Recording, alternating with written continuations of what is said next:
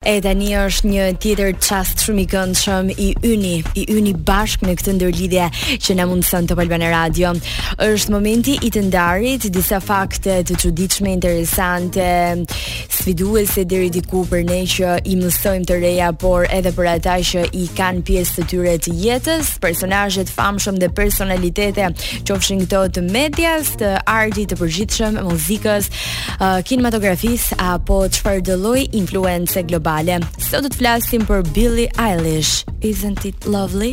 Ajo është me të vërtetë shumë lovely, por le të ndajmë së bashku disa pika kyçe për t'iu referuar një imazhi dhe një potenciali të tillë të jashtëzakonshëm siç është kjo artiste.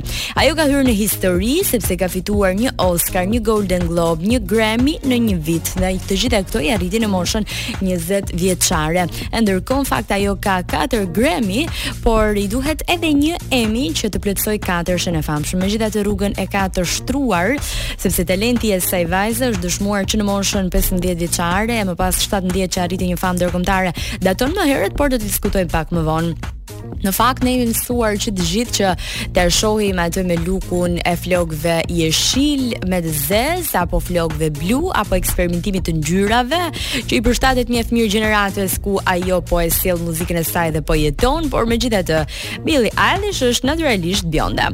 Ajo është një nga artistet që ka postimet më të pëlqyera në botë, nga 10 postimet që pëlqehen më së shumti në Instagram, dy prej saj, dy prej këtyre postimeve uh, janë të saj. Një është uh, fotoja e famshme që re, u realizua nga photoshooti me Vogue, revistën prestigjioze botërore, ku ajo ndryshoi dhe ngjyrën e saj të flokëve dhe u duk tepër sharmante.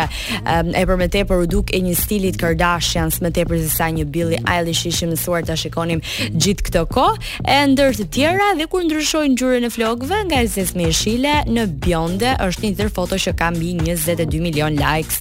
Ka filluar të shkruajë muzikë që në moshën 11 vjeçare në fakt, e ndërkohë të kënduarit në mënyrë profesionale është edhe më e hershme, duke qenë se e gjen Billie Eilish duke kënduar që në moshën 8 vjeçare. Vllai i saj gjithashtu e ndihmon uh, si producent dhe në realizimin e shumë materialeve muzikore, por edhe prindërit e saj janë mbështetës shumë të denjë të këtij arti, duke qenë se edhe ata vijnë nga kjo botë e, e kanë edhe më të thjeshtë që të kuptojnë dhe të kritikojnë ato që Billie sjell. Ajo ka sindromën Tourette, që është çrregullim i tikeve, kryesisht atyre zanore. Këtë sindrom ajo edhe këtë problem shëndetësor apo këtë çrregullim nervor ajo e ka dëshmuar disa herë, por në pikën e saj më kul, më kulminante të treguarit dhe ndarit të kësaj historie ishte në programin e Ellen, ku ajo tregoi për këtë problem dhe dëshmoi që e afron edhe më shumë me fansat e bën që të ndjehet më shumë pjesë e tyre dhe që ata nuk janë vetëm edhe një personalitet apo një personazh i tillë me një influencë kaq të madhe në botë apo me talente shumë mdha mund të ketë edhe probleme të ndryshme shëndetësore. Gjithashtu ajo ka edhe disa probleme në njohjen e ngjyrave dhe numrave. Megjithatë, kjo e ndihmon që të jetë edhe më produktive dhe të shohë gjërat në mënyrën e saj dhe në këndvështrimet e saj, ashtu siç ajo ndjehet më këndshëm dhe më e lumtur.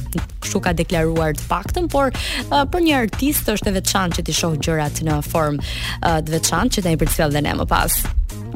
Tani, një nga gjërat më të bujshme të saj, edhe pse ju do mendoni që është fitorja e çmimeve që unë s'i përcitova, jo, është takimi me Justin Bieber në Coachella vitin që lamë pas. Duke qenë se ajo është një Belieber, që thotë një fanse e çmendur e Justin Bieber. Ëm um, ajo ka pasur një dashuri të jashtëzakonshme për Justin që në moshën 12 vjeçare ishte rrethuar me posterat të tij, madje mendonte që çdo partner që do të kishte në jetë uh, dëshironte të kishte patjetër një ngjashmëri me Justin ose i duhej që të kishte do po do t'i bënte një krahasim me të. Dhe do, nuk do të ishte shumë e drejtë apo fair kjo që do të bënte, por megjithatë ajo nuk e lë dot pas dashurinë që ka për të. Madje, ajo është një artiste që ka dokumentarin e saj. E mësuar që dokumentarët e janë pas ca viteve karrierë dhe pas ca viteve ndryshime, arritje apo procese që kalohen në jetë. Megjithatë Billie ka arritur që ta ketë dokumentarin e saj dhe ndër to tregohet edhe letra që Justin i ka dërguar asaj pas takimit kur ndër Ndër të tjera, ai ka shkruajtur: "Dashuria jote për mua më preku zemrën, ti aq e veçantë dhe me gjithçka që mund të bësh për këdo, por ti je ti. Unë jam impresionuar nga atmosfera e pranisë tënde. Ti je një idhull për shumë njerëz dhe unë jam i ngazëllyer të shikoj se si shkëlqen. Faleminderit për sonte. Ajo do të thotë shumë për mua.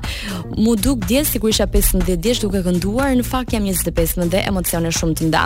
Gjithashtu duhet thënë që ajo e adhuron dhe dashuron kalorimin, e ka mësuar teksa ishte një vajzë e vogël dhe punonte në një restorant dhe në një zonë pranë shtëpisë së saj ku kishte dhe kuaj dhe nuk preferonte që të qëndronte me shoqet e saj të pasura, të cilat e vinin në siklet dhe kanë ndikuar shumë në fakt në mungesën e vetëbesimit të saj. Uh, dy informacione të fundit për Billin është fakti që edhe pse uh, në këngët e saj ajo përmend paksa gjëra, le të themi, të këqija, por që duken me mainstream, ajo është vegjetariane dhe ushqehet shumë shëndetshëm, nuk pi alkool uh, apo lloje të tjera substancash narkotike.